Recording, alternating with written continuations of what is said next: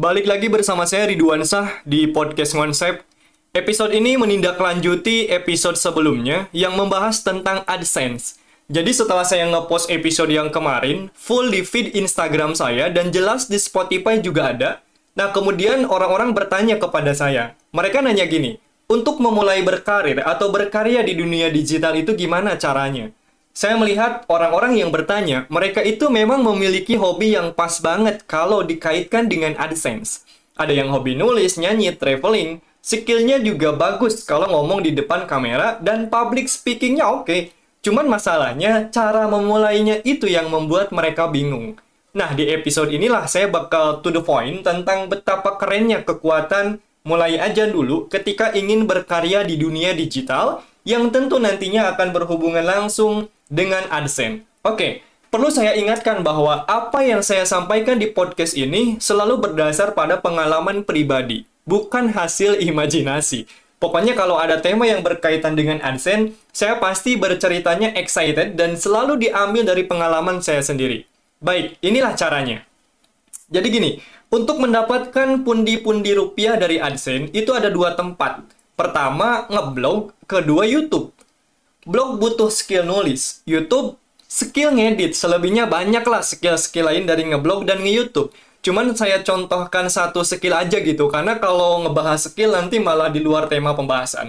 Jadi ada dua tempat, blog dan YouTube. Silahkan pilih salah satunya. Saya yakin kalian akan lebih tertarik atau tergiur sama YouTube.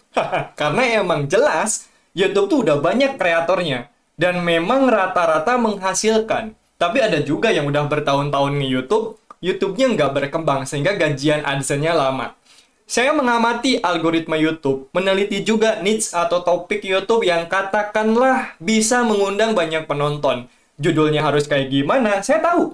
Cuman saat ini lagi di tahap mulai aja dulu dan memang fokus saya atau kesibukan saya bukan di YouTube, tapi di blog. Makanya tadi saya bilang, pilih salah satu, mau ngeblog atau nge-YouTube.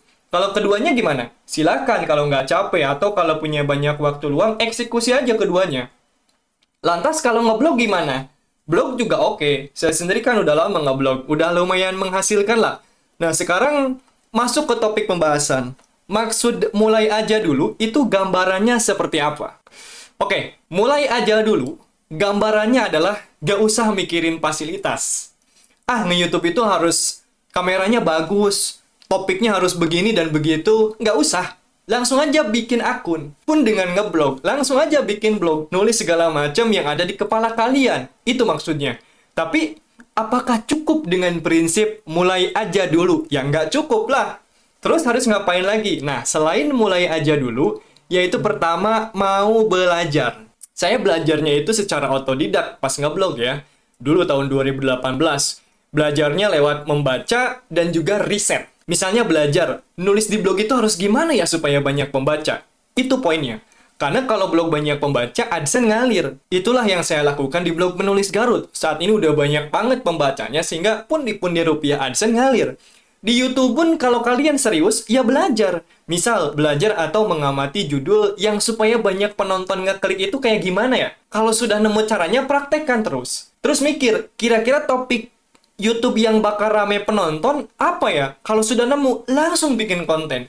Jadi ada keinginan mau belajar. Mentok nih, jumlah penontonnya dikit banget.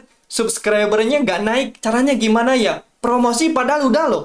Ya beli subscriber, beli jumlah penonton. Ada modal yang harus dikeluarkan. Itu yang dilakukan oleh sebagian YouTuber papan atas. Gak punya modal, eh ya belajar SEO YouTube. Balik lagi baca-baca SEO YouTube itu apa, kayak gimana, dan lain-lain. Sehingga kalau SEO-nya diaplikasikan, penonton organik bakal datang. Pure bener-bener penonton organik. Bakal pada muncul nantinya. Jadi YouTube itu ada SEO-nya sendiri, termasuk fokus pada satu topik, itu dibilang SEO YouTube juga. Jadi mau belajar.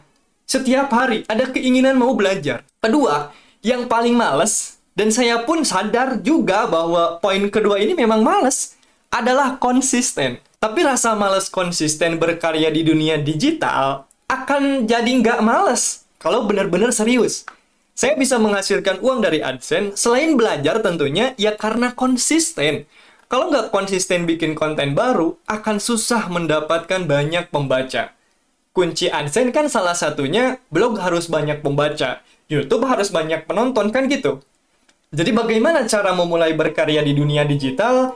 Jawabannya mulai aja dulu. Mulai bikin akun, jangan mikirin fasilitas lah, inilah itulah. Kemudian belajar dan konsisten. Itu aja dulu yang perlu dilakuin.